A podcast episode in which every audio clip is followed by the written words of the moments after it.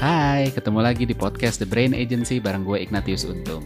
Selama kurang dari 10 menit ke depan, kita akan bahas segala hal seputar brand dan juga bisnis dari sudut pandang neuromarketing dan juga behavioral science pastinya. Jangan lupa follow account Instagram Brain and Brand, YouTube channel The Brain Agency, dan juga LinkedIn page The Brain Agency. Semoga bermanfaat.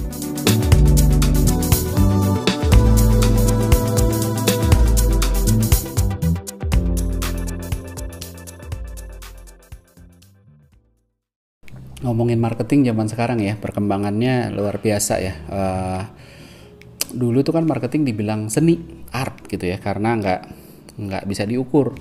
Sekarang mulai bisa diukur tapi bukan berarti semuanya bisa diukur. Itu yang harus hati-hati sih. Kalau dulu masih gut feeling sekarang katanya data driven gitu ya. Tapi apakah semuanya bisa dijadiin data driven gitu? Apakah semuanya kita bisa lihat dari data? Uh, saya nggak begitu nggak begitu setuju sih gitu ya. Artinya uh, yes bener udah mulai data driven tapi nggak semuanya gitu ya. Uh, kayak contoh begini beberapa tahun yang lalu waktu saya kerja di properti portal ya uh, saya di, disamperin satu klien terus dibilang pak saya mau pasang iklan di tempat bapak nih tapi dengan catatan catatannya adalah boleh nggak saya bayarnya kalau uh, propertinya udah terjual? Kalau nggak terjual saya nggak bayar. Kenapa? Karena artinya portal bapak nggak bagus gitu. Nah terus habis itu karena saya cukup dekat sama dia saya balikin. Saya bilang pak uh, jadi saya balikin uh, bercanda gitu ya. Saya bilang pak bapak waktu bangun project ini ya beli tanahnya gitu juga nggak? Uh, bilang sama yang punya tanah bahwa nanti baru baru dibayar kalau udah laku gitu. Terus arsiteknya gitu juga nggak? Terus yang jual semen juga gitu nggak? Pak nanti uh, semennya saya bayar kalau udah laku ya. Kalau nggak laku berarti semen bapak nggak bagus gitu kan? Kan nggak begitu gitu ya. Jadi dalam dalam marketing untuk bisa ngejual gitu banyak yang berkontribusi. Nggak bisa dibebanin hanya ke satu aja gitu loh.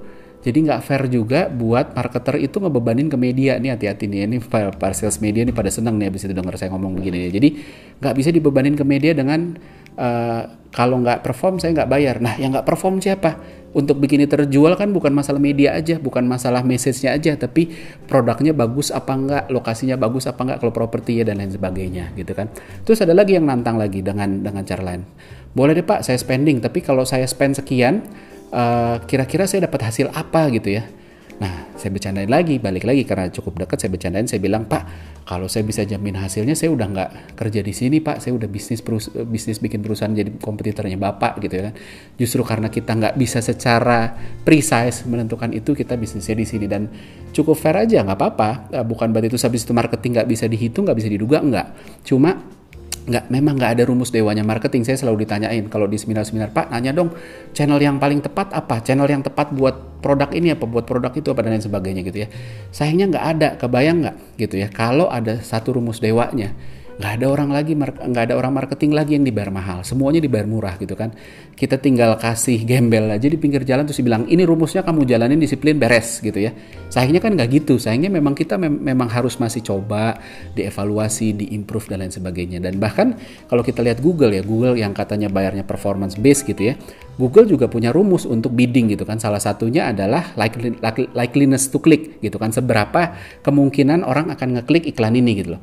Kalau kemungkinannya kecil, uh, mungkin habis itu uh, ad ranknya jadi turun gitu kan. Kalau kalau kemungkinannya gede bisa jadi karena brandnya terkenal karena apa isi dari webnya landing page-nya bagus gitu relevan dengan keywordnya uh, naik jadi naik gitu kan ad ranknya sehingga biddingnya nggak perlu tinggi tinggi gitu. Jadi sama itu kan juga sebenarnya faktor brand juga gitu kan. Uh, brand history brand performance dan lain sebagainya. Nah kita juga harus ingat bahwa marketing itu butuh waktu gitu kan. Sama kayak uh, apa namanya ini juga ada kasus lain lagi nih. Saya suka bercanda kalau sama klien karena deket-deket gitu ya. Uh, waktu itu dia bilang Pak, uh, marketing sekarang tuh udah nggak butuh waktu Pak. Kita bisa langsung pasang iklan langsung kelihatan hasilnya. Saya bilang bisa gitu, tapi apakah bisa dijamin semua? Enggak gitu loh. Ada yang memang needs-nya sudah dibangun sebelum-sebelumnya. Begitu kita pasang iklan, eh kok kena dia gitu ya. Terus habis itu bisa. Tapi banyak juga yang enggak gitu kan. Yang langsung convert sekarang pun juga bukan karena kita yang menanam sebelumnya gitu kan yang nanam orang lain gitu kan terus kita yang nuai gitu. Jadi memang nggak bisa sama kayak cari istri gitu kan saya bercandain gitu. Kalau waktu itu kita lagi ngobrol di mall gitu kan di Lotte. Terus habis itu saya bilang gini deh coba deh kita lihat sekeliling ya. Bapak cari perempuan yang cakep gitu ya yang menurut bapak wah ini tipe istri yang menarik nih. Habis itu bapak samperin bapak samperin saya bilang bapak langsung bilang ajak nikah mau apa enggak gitu kan. Kemungkinan besar nggak mau gitu. Ada nggak yang mau? Ada. Kalau yang datang Cristiano Ronaldo misalnya gitu ya atau Adam Levine gitu mungkin ada yang mau. Tapi kenapa? Karena Cristiano Ronaldo atau Adam Levine ini udah dibangun brandnya. Nah buat kita yang belum ngebangun brand nggak bisa punya conversion secepat itu. Bisa ketika needsnya sudah mulai ditanam. Yang nanam siapa? Yang nanam orang lain eh, apa kompetitor kita atau siapa pun itu yang yang udah lebih dulu gitu kan. Nah tapi itu habis itu dibilang nih, tapi kan kita bisa kasih cash, cashback sama diskon. Terus habis itu dia convertnya langsung pak gitu. Nah saya bilang bisa sih, tapi masalahnya adalah kalau cashback sama diskonnya selesai, mereka masih stay apa enggak? Itu kan pertanyaannya gitu kan.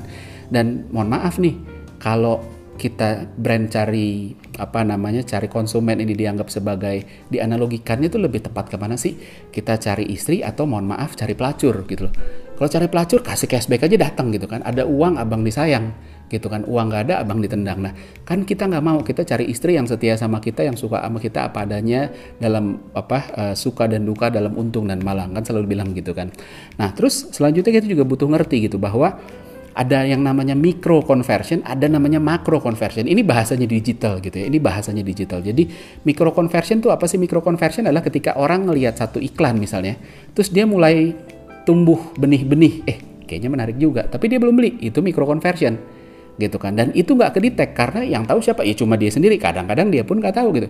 Makro conversion itu apa? Begitu dia tinggal eh bagus nih langsung beli yuk gitu kan. Nah yang kayak gitu. Itu ada. Nah harus hati-hati. Jangan sampai nih orang-orang marketing yang nggak mateng yang dihargain cuma makro conversion oh ini nggak convert ah nggak usah dipakai deh gitu kan.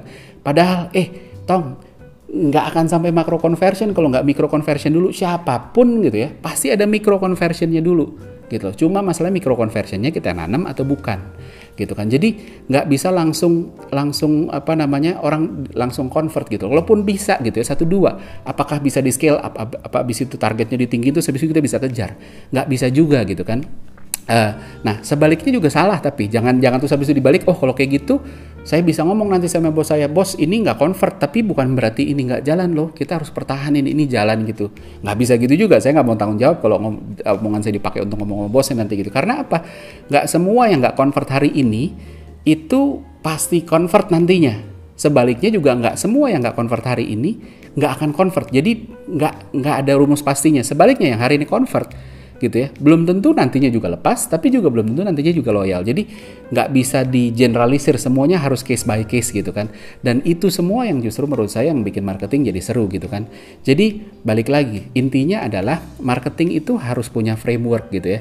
Uh, dan frameworknya itu harus berpusat kepada konsumen gitu kan berawal dari konsumen gimana caranya kita ngerti konsumen ini gimana sih pet atau journey-nya untuk sampai pembelian apa yang harus kita kasih? Entah kasih iklan dulu atau sosial media dulu atau lain sebagainya. Karena kita ini kan sebenarnya ada di bisnis persuasi ya. Bisnis apa pun itu tentang persuasi. Jadi kalau kita nggak ngerti konsumen jangan harap kita bisa jualan